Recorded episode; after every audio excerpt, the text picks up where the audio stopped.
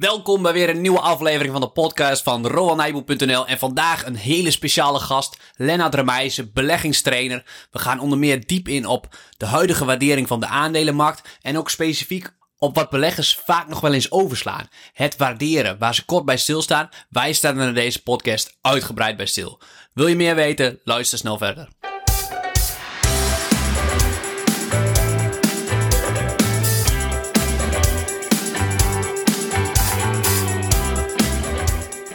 Ja, leuk dat je luistert. Ik kan niet wachten om het interview in te duiken.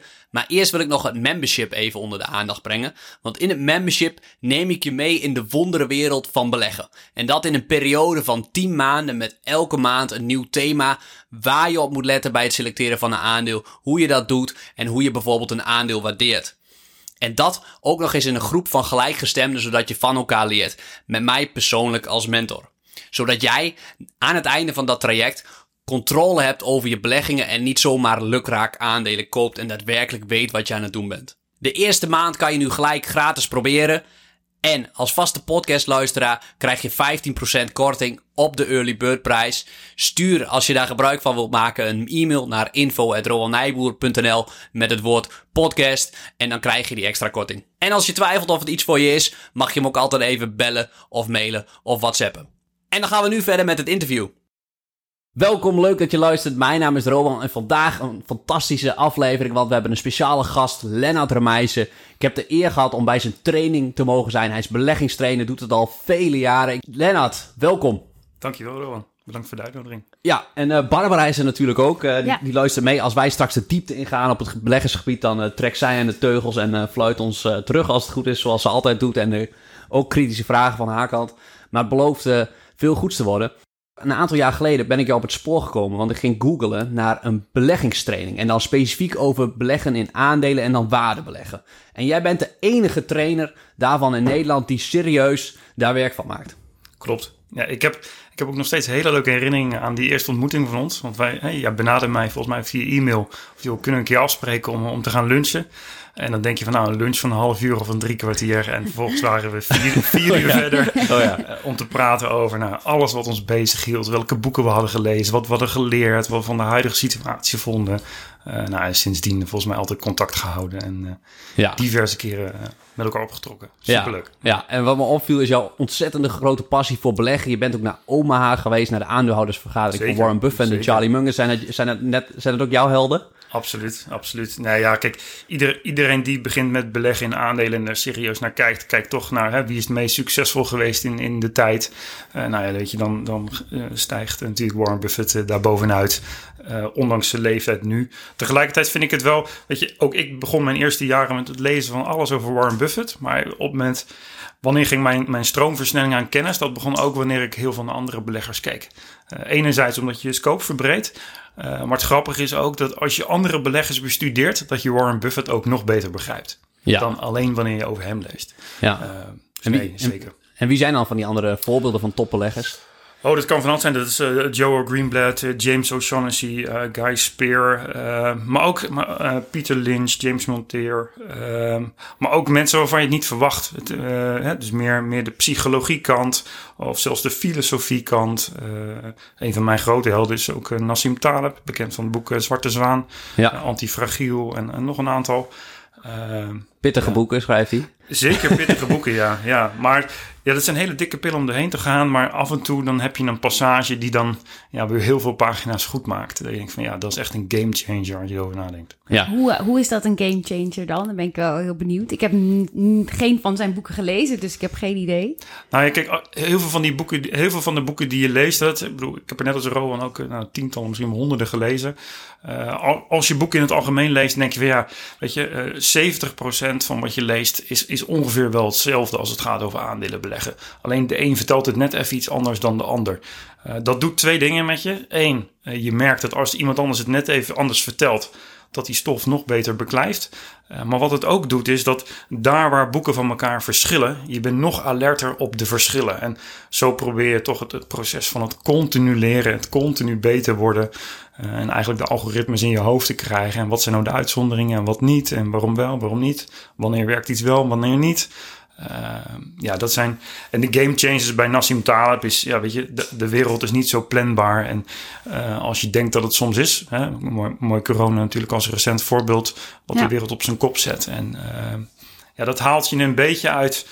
eh, ik heb altijd gezegd, Nassim Taleb was voor mij de ultieme eh, persoon om ook, ook weer te ontleren. Op een gegeven moment zit je zo in de cijfers, zo in de grafieken, dat Ja. het ook wel goed is om een stap terug te doen. Je komt in een soort Eh, bubbel, kan ik me voorstellen, zeker. waar hij weer even je helpt herinneren. Hij prikt het even, door, even doorheen. Ja, Let op je is, bubbel. eh, en hij, nou goed, een klein beetje over Nassim Taleb. Wat ik wel waardeer is, als je zijn boeken leest, is het wel, het is wel een beetje een zaggerijn en negatieve ding. Ja. Eh, maar ik, Ja. ja. ik hou wel van een, een beetje down to earth en eh, het, het doorprikken van alle bullshit ballonnetjes. Dat Ja. vind ik, wat ik Dat doet hij wel. er is, ja, en er is geen, er is geen sector als, als beleggen als de financiële sector waar zoveel data in omloop is en waar mensen zoveel relaties tussen oorzaak en gevolg proberen te leggen die lang altijd niet zo hard Ja. zijn als dat je denkt. En Nassim Taleb helpt daarbij. Ja. zeker.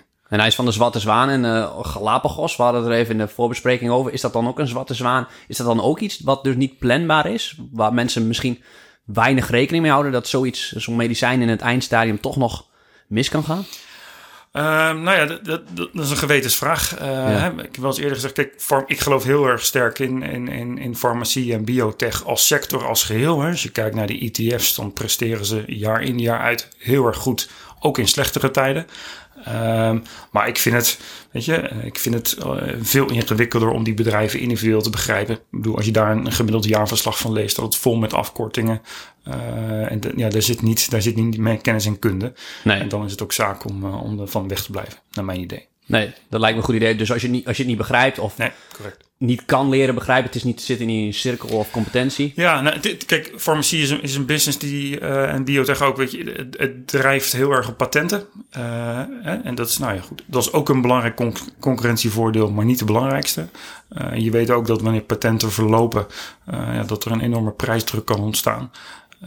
Dus ja, het is, het, is, het is niet mijn cup of tea om, om in die sector te verdiepen. Voor mij zijn er sectoren die ik beter begrijp en waar ik eh, ja, ook goed in geloof. Ja, Snap ik, daar komen we vast straks op, want je bent ook sectorspecialist. Heb ik tijdens je training eh, ja mogen zeker, ervaren. zeker. Ik denk dat dit ook gaat over Circle of Competence, zoals we ook bij Hendrik uh, Oude en Bjorn uh, hoorden. Ja. Ja, wat, wat jij denk ik bedoelt is dat je als belegger is het nog is het misschien wel het allerbelangrijkste om binnen je competentiecirkel te blijven. Wat je kan begrijpen en hoe ver dat uit kan rekken. Je kan hem misschien langzaam over tijd iets groter maken. Maar dat je er binnen blijft en die grenzen kent, dat is het allerbelangrijkste. Zie jij dat ook zo? Ja, absoluut. Nou, de binnenblijven is één. En eh, nou goed, als je, als je echt goed wil worden in beleggen, gaat, draait het om continu leren en continu beter worden. Dus het is zaak om dat cirkeltje steeds groter te krijgen. Ehm, maar wat het ook doet, is als je op een gegeven moment goed een sector kent, is dat je bedrijf ook onderling beter kan vergelijken. Ja. Wie is beter dan wie? Wie is goedkoper dan wie? Eh, nou, en dat, dat helpt enorm in het beter doorgronden en, en de winnaars en de verliezers eh, van elkaar te scheiden. Ja, je krijgt gewoon meer feeling voor de industrie als geheel, omdat, het, omdat je het ene bedrijf hebt gezien en dan het andere bedrijf ernaast kan zetten. En dan het verband kan zien van, hé, hey, zo verhouden ze zich dan tot elkaar. Absoluut, absoluut. Ja. Je, bent een waardebelegger. Wat, wat is een, wa een waardebelegger volgens jou? Nou ja, Warren Buffett heeft wel eens gezegd in het Engels, value investing, eh, twee woorden, is eigenlijk onnodig. Hè? Ik bedoel, investing eh, zou altijd moeten gaan om value. Eh, dus ja, in, in die zin, weet je, ik, ik kijk absoluut meer naar de fundamentals dan, eh, dan, ik doe niet zoveel met technische analyses.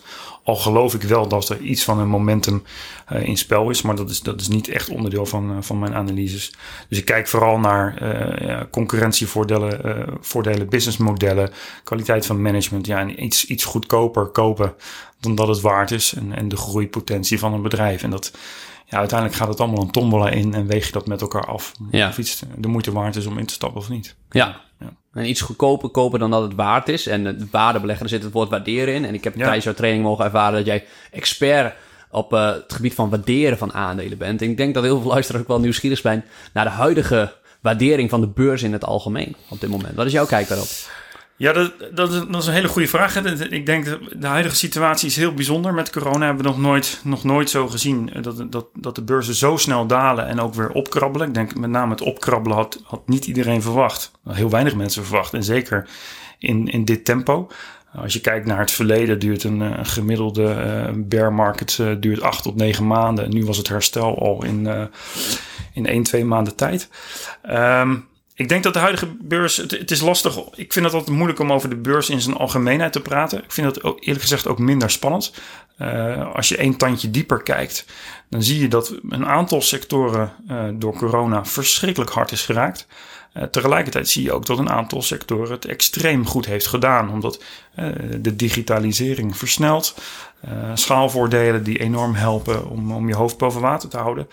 Um, maar goed, kijk je naar de beurs in zijn algemeenheid. Ik, wat, wat ik persoonlijk denk wat er gaande is, is dat er op dit moment zijn een soort van twee verhaallijnen gaande op de beurs. En uh, de eerste verhaallijn is van oké, is, uh, is corona onder controle en kunnen de, kunnen de economieën weer open? En dat, dat is nou, een beetje de dominante factor op dit moment. En natuurlijk, als een economie open gaat, dan weet je, oké, uh, de wereld kan alleen maar weer beter worden vanaf nu en we kunnen gaan bouwen. Echter, de tweede verhaallijn is natuurlijk wel uh, de fundamentele uh, waardering van bedrijven. Goh, uh, er is een hoop schade aangericht. wordt die schade hersteld? Hoe lang gaat dat duren? Wie overleeft het wel? Wie overleeft het niet? En als, als ik dan puur naar de beurs in zijn algemeenheid kijk, denk ik van, weet je, het, is, het, het lijkt wel licht overgewaardeerd. maar goed, tegelijkertijd, weet je, de rente is laag. kapitaal kan, kan nergens naartoe. De Fed heeft tijdig zijn maatregelen uh, afgekondigd om uh, te steunen. Uh, dus ja, geen idee waar de beurs in zijn geheel naartoe gaat. Het is, ik zeg wel eens tegen mensen: het voelt een beetje alsof we. Ehm, alsof we veilig thuis hebben gezeten om te schuilen voor de orkaan. Ja. het goede nieuws is, de orkaan is gaan liggen. en nu gaan de rolluiken omhoog en, en gaan we uit onze huisjes en kijken weer naar buiten. En nu pas gaan we opnemen wat de schade is.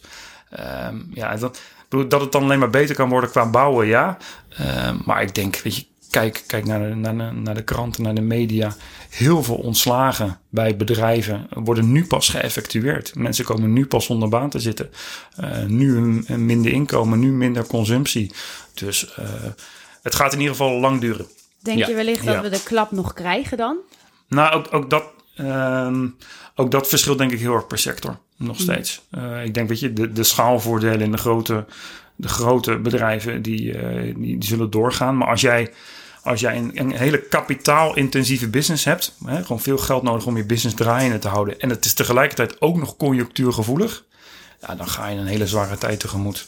Weet je, kijk naar nou, bijvoorbeeld een bedrijf als KLM, wat natuurlijk heel kapitaalintensief is. Ja, weet je, die doen prognoses dat het misschien eh, tot 2024 of langer duurt voordat de situatie weer normaliseert. Nou, weet je, dat herken ik wel. Als je, als je nu verlies maakt en je teert in op je eigen vermogen, dan duurt het bij dat soort bedrijven heel lang voordat je weer op het oude niveau zit. Ja. En dit is dan een beetje het economische ja, aspect achter beleggen ook. Maar wat doe je dan als belegger met deze informatie? Doe je daar iets mee? Handel je daarnaar? Of betekent het juist dat je zit af te wachten? Wat, zeg maar, hè, vanuit beleggingsperspectief, wat doe je dan met deze informatie? Nou ja, kijk, je, je probeert toch in te schatten waar, waar de kansen en de, en de risico's zitten, ook op sectorniveau en daarbinnen dan de bedrijven. Hè? Dus uh, ik heb veel mensen gesproken, veel beginnende beleggers die zeggen van, goh, ik zou nu wel in KLM willen stappen. Ja. Uh, nou ja, weet je, KLM is voor mij nu een soort van turnaround aandeel geworden. Ik zeg, ja, realiseer je heel goed, weet je, als het turnaround is, dan bedoel, kijk goed naar de solvabiliteit. Realiseer je dat het heel lang kan gaan duren. Heb je dat geduld? Ben je bereid om te blijven zitten? Uh, enzovoort, enzovoort. Wat bedoel je met de turnaround? Even voor de mensen die dat niet uh, zo scherp hebben. Nou, een bedrijf wat echt in moeilijkheden verkeert uh, en wat weer de omzwaai moet maken naar een gezonder, gezonder bedrijf. Uh, bedoel, zonder de overheidssteun waren ze er misschien wel niet meer geweest. Ja, dan zouden we kunnen stellen: het is misschien een mooie belegging voor de toekomst, maar dan zit je echt op de lange termijn en ben je bereid die gok te nemen. Nou ja, kijk, heel, heel specifiek dan even over de vliegtuigmaatschappij. Hè? Ik bedoel, uh, het, is wel, het is wel bijzonder. Volgens mij heeft Warren Buffett in het verleden ook wel eens gezegd: weet je, als je als je alle vliegtuigmaatschappijen bij elkaar zou optellen en je zou kijken naar de afgelopen 100 jaar, dan hebben ze met z'n allen geen winst gemaakt. Dus dat zegt wel iets over hoe concurrerend die business is en hoe kapitaalintensief. Uh, Niettemin verraste die eh, vriend en vijand toen hij een paar jaar geleden, was ik geloof vier of vijf vliegtuigmaatschappijen tegelijkertijd kocht. Ja. Um, maar goed, hij heeft, ze wel, hij heeft ze wel verkocht aan het begin van de crisis. En mensen zeiden wel hè, bij corona van, joh, waarom neem je nu afscheid van, van die vliegtuigmaatschappij? Nou, ik denk een van de redenen is omdat hij ook gewoon voorziet dat het heel lang gaat duren. Ja, dat het weer lang gaat duren voordat eventueel Ja. weer een winstgevende sector Ja, is. ja. Ja. En uiteindelijk, kijk, beleggen draait om rendement en, eh, en, en de zekerheid van rendement. Maar ja, de, de tijdshorizon, hè, van wanneer kun je dat rendement behalen en hoe zeker is dat, speelt natuurlijk een hele belangrijke rol in die afwegingen. Is dan nu eigenlijk een indirecte tip die je geeft? Wees je op dit moment, waar we nu in zitten, de huidige economische situatie, heel bewust van de sector waar je in zit te kijken. En of dat voor de komende jaren een sector is die bestandig is tegen deze omstandigheden. Ja, en hoe, en hoe moeilijk hebben ze het nu gehad? Hoe zijn ze nu ingeteerd op hun eigen vermogen? En hoe makkelijk, hè? Ik bedoel, je ziet ook hè, in Europa veel bedrijven hebben divi- dividend moeten schrappen. eh, of eh, eigen inkoop van aandelen moeten schrappen. Ja, dat, zijn, dat zijn wel allemaal dingen die leiden normaal gesproken tot hogere rendementen. Nou ja, weet je, als dat soort dingen worden geschrapt of eh, inkoop van eigen aandelen stopt, Ja. dan mis je weer ja, een soort drijvende kracht om, om koersen hoger te zetten. Ja, en, eh, en sectoren, de- je bent daar ook wel specialist in. Heb je dan nog een interessante sector die, eh, die, die luisteraars in de gaten moet houden? Eh, nou, ieder, iedereen heeft zijn voorkeuren. Eh, waar, waar ik sowieso van gecharmeerd ben, zijn, zijn bedrijven die eh, winnaar zijn in hun sector. Omdat ik geloof dat, nou, sterk geloof dat we in een wereld leven waarin groot alleen maar nog groter wordt. Eh, en het, bedoel, grote bedrijven winnen nog meer marktaandeel op het moment dat het tegen zit zoals nu. Omdat de kleine bedrijven het vaak niet overleven. Ja, Uh, ja, er zijn, er zijn een paar bedrijven waar, of een paar sectoren waar ik sterk in geloof. Uh, uh, creditcardmaatschappijen en, en betaaloplossingen in zijn algemeenheid. Uh, die waren al heel sterk, maar de, de, de, ontwikkeling van corona maakt dat de ontwikkeling van cash naar digitaal betalen uh, en het shoppen bij e-commerce bedrijven alleen maar verder versterkt. Dus dat is er één. En, en dan noem ik een Mastercard, een Visa, een Ja, ATM. zeker. Um, een PayPal. ja, absoluut. Oké. Ja. Um, andere. Um, Wirecard.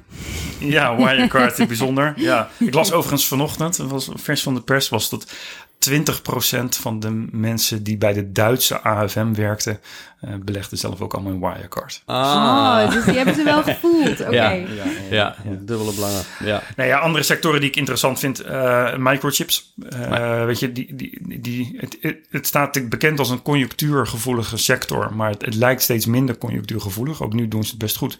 Uh, en het heeft natuurlijk alles te maken met, iets kan wel conjunctuurgevoelig zijn, maar als die markt op lange termijn gewoon groeit, uh, ja, heb je het over andere pieken en dalen in een andere uh, markt die niet groeit. Weet ja. je, daar zitten natuurlijk zoveel ontwikkelingen achter als uh, 5G, Internet of Things, robotisering, artificial intelligence. Um, ook die bedrijven draaien. Het zijn kapitaalintensieve bedrijven, ja. maar er worden veel overnames gedaan. Uh, research en development. Uh, als je veel geld hebt en je kan veel research en development doen, is dat ja. ook belangrijk richting de toekomst toe. Ja, en als ik, um, en je zei, dat het is nu minder conjunctuurgevoelig. Bedoel je dan dat dat is omdat uh, die chips nu eigenlijk een soort van basisbehoefte zijn in onze maatschappij en vroeger nog iets meer luxe waren? Daardoor ja, is het minder zeker, cyclisch? Zeker. Ja? Bedoel, ja, weet je, kijk, de chips worden, er blijft natuurlijk een red race naar steeds geavanceerder, steeds meer opslag. Ik bedoel, als ik van mijn ene iPhone naar mijn andere iPhone ga en ik neem al mijn oude data mee en al mijn oude foto's mee, weet je, die capaciteit en het feit dat mensen nu uh, misschien nog meer thuis werken, een goede computer of een goede laptop aanschaffen. Uh, um, ja, dat, die, die ontwikkeling blijft. Uh, dat, weet je, datzelfde geldt natuurlijk ook voor softwarebedrijven. Uh, een mooi voorbeeld, weet je. Ik, weet niet hoe, toen ik, uh, toen ik op kantoor uh, meer digitaal moest gaan werken. Toen, nou, waar, waar, gaan we dan mee werken? Nou, wij gekozen voor Microsoft Teams. Nou, ja. oké, okay, prima. Dus mijn eerste meeting dacht ik van, nou, weet je, deze, deze versie draait niet zo lekker. Laat ik eens even kijken of ik iets moet, moet upgraden. En wat bleek, ik had een, ik had een wat oudere versie van, van, uh, van Microsoft Office. Uh, van een paar jaar oud. Nou, prima, upgraden. Uh, en het werkte allemaal weer. Maar wat deed Microsoft heel slim? Um, nu betaalde ik 100 euro voor die upgrade. Die 100 euro betaalde ik een paar jaar geleden ook, maar daar kon ik nu een paar jaar mee vooruit. In de huidige versie moet ik 100 euro per jaar aan Microsoft betalen om continu up-to-date te kunnen werken in de cloud. Ja. Dat grapje alleen al levert Microsoft, ik geloof 20 tot 30 miljard dollar aan extra omzet op. Ja. Uh, dus ja, weet je, softwarebedrijven, daar zit ook een soort van customer captivity. Hè. Mensen zijn gewend aan uh, ja. hun programma's waarmee ze werken. Ja, ja. Um, ja luxe goederen, hè. Dat, daar ja, hebben we natuurlijk vaak in de training over gehad. Ja. luxe goederen. normaal gesproken een business die die niet zo conjunctuurgevoelig is. Rijke mensen blijven rijk. Uh, ook tijdens de crisis van 2008 uh, groeide die sector heel hard door. Maar corona is anders. Luxe goederen zijn nu heel hard geraakt. Uh, het begon met, nou, toen corona in, in China begon, raakten de distributiekanalen verstoord. Hè. De luxe goederen worden vaak in Azië geproduceerd. Ja. Ehm, maar daarnaast, ehm, luxe goederen worden veel verkocht op, op vliegvelden. Of als jij op vakantie gaat naar Parijs of, of, of Milaan of nou, noem maar op. Nou, die vakanties die vonden ineens niet meer plaats. Veel andere bedrijven lossen dat dan op door veel te verkopen via hun internetwinkel. Maar bij de luxe goederensector wordt er minder verkocht via e-commerce. Om een aantal redenen. Mensen willen sowieso de beleving hebben als ze iets moois of iets duurs kopen. Uh, ja. om, uh, ja. om, goed behandeld te Tuurlijk. worden in de ja. winkel. maar tegelijkertijd wordt er ook weinig digitaal verkocht om namaak tegen te gaan. En als je zeker weet dat je in een A-locatie winkel iets koopt, dat je zeker weet dat het echt is. Ja. Dus, en, in de luxe sector heb je natuurlijk, je hebt de premium, je hebt luxe en je hebt ultra luxe. En ja. zijn, is, maakt dat nog uh, verschil uit als vanuit beleggingsperspectief? Ja, nou wat ik in die sector heb geleerd is dat het, het, uh, de, de, belangrijkste spanningsbalans die er in die sector zit is luxe versus groei. Hè? En um, het, is, het is heel verleidelijk om je, om je prijzen iets te verlagen, uh, om, om je omzet te harder te laten groeien. Uh, en toch is dat eh, een strategie uh, die je vaak beter niet kan kiezen, want die exclusiviteit is belangrijk. Die, die, kwaliteit van je merknaam is belangrijk. Het zorgt voor hogere winstmarges. dus als je, als je in die sector gaat beleggen, dan zou ik voor de exclusievere merken gaan. Ja. De echte, de, de, de echte top. De echte top. En, en, en, een andere een belangrijke aanvulling daarbij is... Kijk, luxe, luxe goederen kun je eigenlijk verdelen in twee soorten. Je hebt een beetje de, de hardere uh, goederen zoals sieraden... en de zachtere goederen zoals bijvoorbeeld nou, schoenen of tassen of lederproducten. Uh, de hardere goederen zoals sieraden zijn veel conjunctuurgevoeliger. Okay. Het is veel moeilijker op dit moment dan de zachtere goederen ja, iets om ja. Uh, in de gaten te houden. Kijk, het is natuurlijk hele waardevolle informatie van let op de sector waar je in belegt en uh, um, ja, het type goederen en dergelijke. Maar andere professionele beleggers weten dat natuurlijk ook. Die weten ook wel nu al van, uh, hey, kijk naar de sectoren die het die deze crisis enigszins goed door gaan komen. Dat heeft natuurlijk weer invloed op de waardering, waar we het daar straks al even over hadden. Dus is het dan nog steeds... Ja, je, je kunt nu heel makkelijk neigen als je dit hoort van... nou, ga ik naar de softwarebedrijven kijken, de grote Apple, Google, dat soort uh, investeringen. Maar dan zit je met die waardering, denk ik. Klopt. Ja, nee, kijk... Wat ik, wat ik leuk vind, hè, kijk, als je... Um, Nassim Taleb heeft ooit wel eens gezegd dat als je, uh, als je het verleden wil bestuderen, vorige crisis, et cetera, dan kun je het beste uh, nou, bij wijze van spreken dagboeken lezen van mensen in die tijd. dus als je, als je iets wil leren van de coronacrisis nu op de financiële markt, is tip 1, weet je, schrijf op wat je nu allemaal ziet gebeuren. Want gegarandeerd dat je dat over twee, drie jaar echt bent vergeten. En dan zou zonde zijn als je daar niet van leert en naar de toekomst toe. Um, ja, het is een van de dingen die het mij heeft geleerd, is weet je, die, die dominante bedrijven in de index, zoals je die noemt, hè, dus uh, de Amazons, Apples en de Facebooks. Het is een bizar om te zien uh, hoe snel die zijn hersteld na de coronacrisis. En dat, dat heeft verschillende redenen. Uh, nou één is, weet je, die bedrijven hebben natuurlijk gewoon ook gewoon veel beter gedaan. Weet je, de hele digitalisering. En als je kijkt naar winstgevendheid en omzet, is, is enorm gegroeid.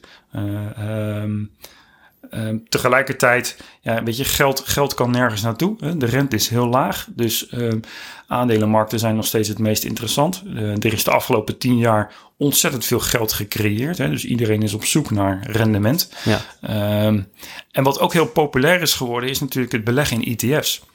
En als jij een, als jij een indexfonds koopt, dan beleg je dus ook weer in die grote jongens, omdat die zo'n zware uh, weging in de index hebben. Ja. Dus van allerlei kanten uh, ja, worden, die, worden die bedrijven nog verder omhoog gestuurd. En er is geen, er is geen analist op aarde uh, die ontslagen zou worden bij zijn, bij zijn werkgever als hij zegt van nou, ik heb Apple en Facebook in, mijn, in mijn portfolio.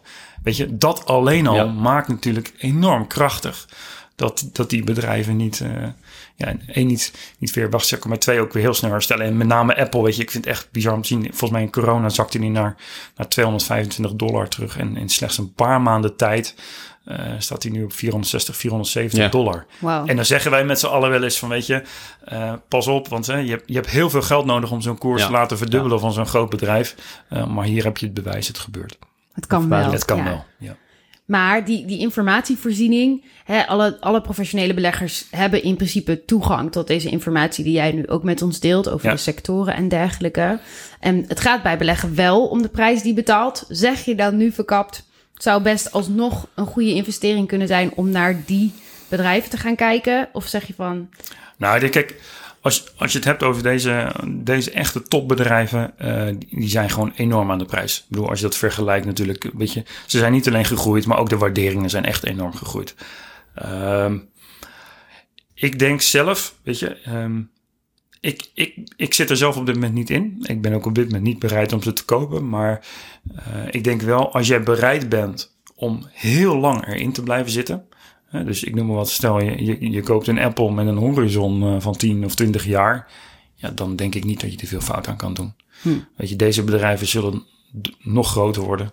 Eh, alles wat er rondom digitalisering gebeurt. eh, misschien de grootste bedreiging die er nog speelt, is misschien een stukje wet en regelgeving. Dat al dan niet opsplitsen. Maar Ja. vooralsnog. Wat ik heel fa- fascinerend vond, ik had verwacht dat bijvoorbeeld een Facebook, hè, wat natuurlijk draait, eh, net als Alphabet, op, op reclameinkomsten. Ja. Reclameinkomsten zijn, zijn vrij conjunctuurgevoelig. Hè? Dat is Zeker. het eerste wat bedrijven Ja. terugschroeven op het moment dat het minder goed gaat. Eh, en toch presteerde, eh, presenteerde Facebook goede cijfers. En als je dan kijkt hoe dat dan komt, dan zeg je van ja, die, die kosten per klik zijn wel degelijk afgenomen, maar het gebruik van Facebook in deze Ja. tijd is wel toegenomen. hè? Dus in een, nee, maar dat is ook weer zo'n mooie eye-opener, weet je. Bedrijven draaien om een soort van PMAQ-model. De prijs per eenheid is misschien iets gezakt, maar als het gebruik enorm toeneemt, eh, en als dat gebruik hoog niveau, op hoog niveau blijft en, de, en de, de economie trekt weer wat aan en de kosten per klik gaan ook, ja, dan heeft Facebook toch weer een springplank om weer verder te kunnen groeien qua winstgevendheid. Ja. is dit nou zo'n detail van een crisis die je eigenlijk op zou moeten schrijven? Ja, ja, vind ik wel. Ja. Ja. Want, Dagboekje open en... eh, want ook bij de Facebook en eh, Alphabet ging ook gewoon keihard omlaag op het begin. Ja, ja maar, maar kijk, dat, dat is wel. Kijk, op het moment dat de crisis hard genoeg is, eh, dan, dan maakt het op dat moment niet meer uit. En dan, dan daalt natuurlijk alles.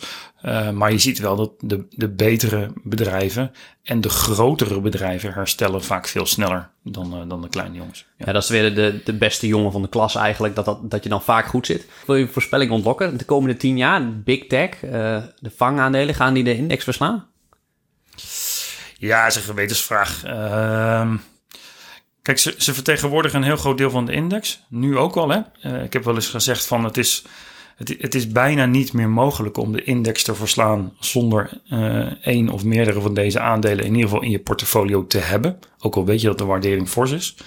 Ehm, ik, ik kan niet zien wat de beurs de komende tien jaar gaat doen. Hè? Maar he- Nee. het, historisch eh, wise eh, heeft de beurs altijd laten zien altijd te stijgen. Ik bedoel, dat, is, dat is duidelijk. Ik denk nog steeds dat deze bedrijven heel snel kunnen groeien. Als je ziet, kijk, Apple is als eerste bedrijf, eh, ik bedoel, heeft heel lang gevochten om door die 1 triljard eh, marktkapitalisatie eh, te gaan. bizar.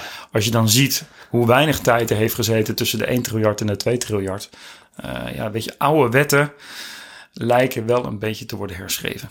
Ja. 2000 miljard, 2,5 keer de Nederlandse economie uit 2019. Het is toch bizar? Ja, Ja. ja, ja.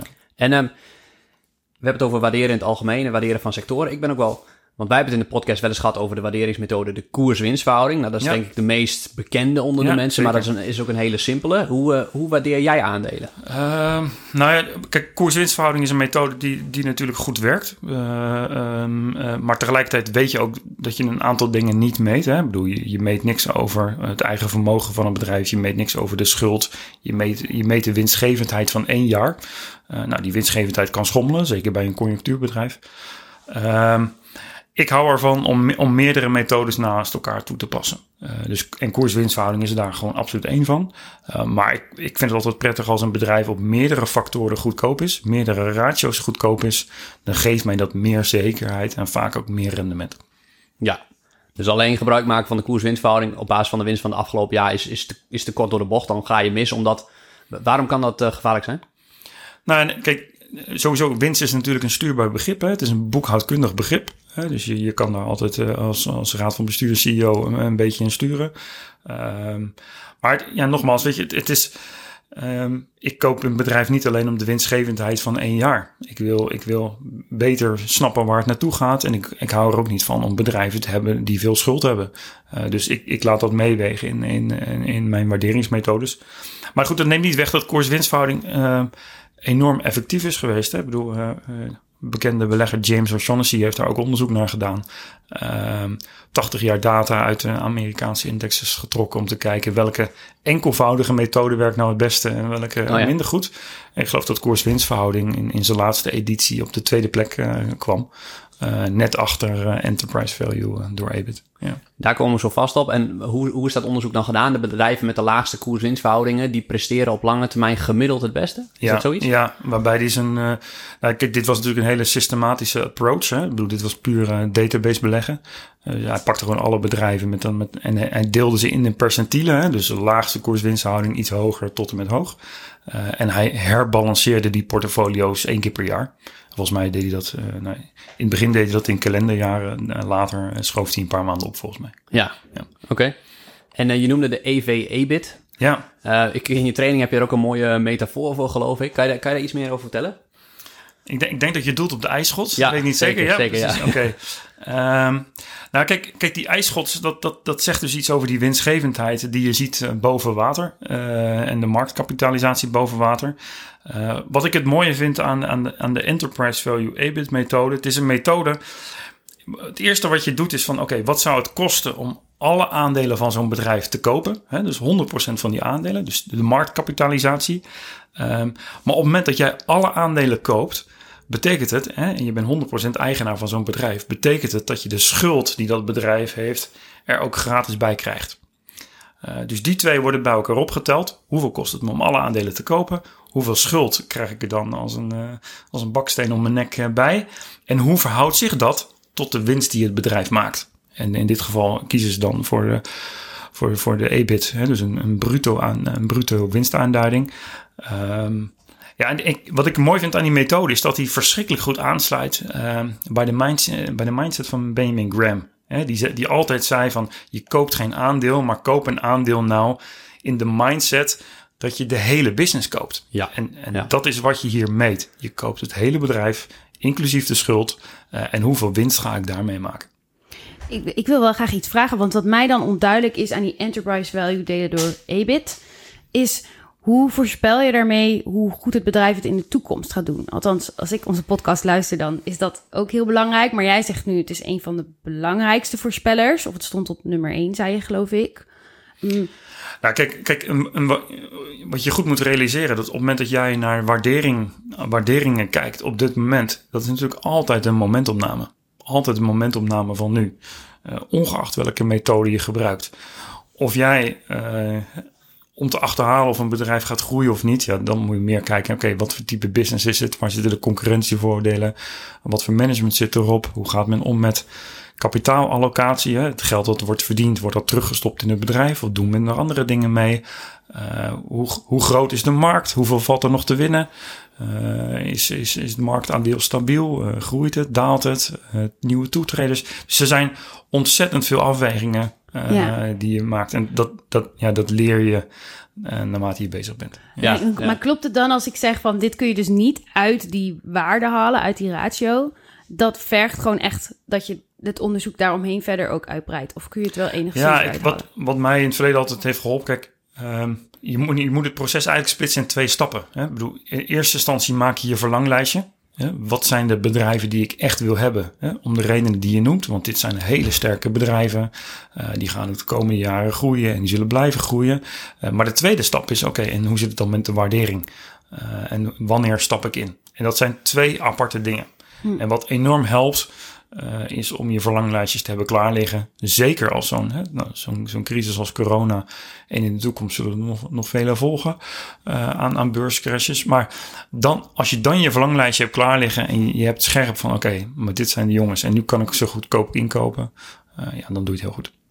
En dan een laatste vraag over die enterprise value. Want uh, bij de koers-winstverhouding leer ik altijd van Rohan, het gemiddelde is 15. Ja. Hangt hier ook zo'n waarde aan? Um, ja, ik heb, ik heb die Enterprise Value EBIT. Ik heb veel topbeleggers zien instappen onder de 8. Oké. Okay. Uh, dus dat is zeker. Uh, tegelijkertijd denk ik wel van, uh, Rowan heeft, heeft gelijk inderdaad. Koerswinstverhouding gemiddeld is 15. maar ik ben, door de jaren heen heb ik ook wel geleerd dat je dat soort dingen niet te statisch moet bekijken. wat bedoel ik daarmee? vergelijk gewoon bedrijven in de sector. Wie is het goedkoopst en wie niet. en wat enorm helpt is ehm, om ook te kijken naar hoe een bedrijf in het verleden is gewaardeerd. dus stel, ik noem maar wat, ik heb een bedrijf wat altijd een koers-winstverhouding heeft gehad tussen de 10 en de 20.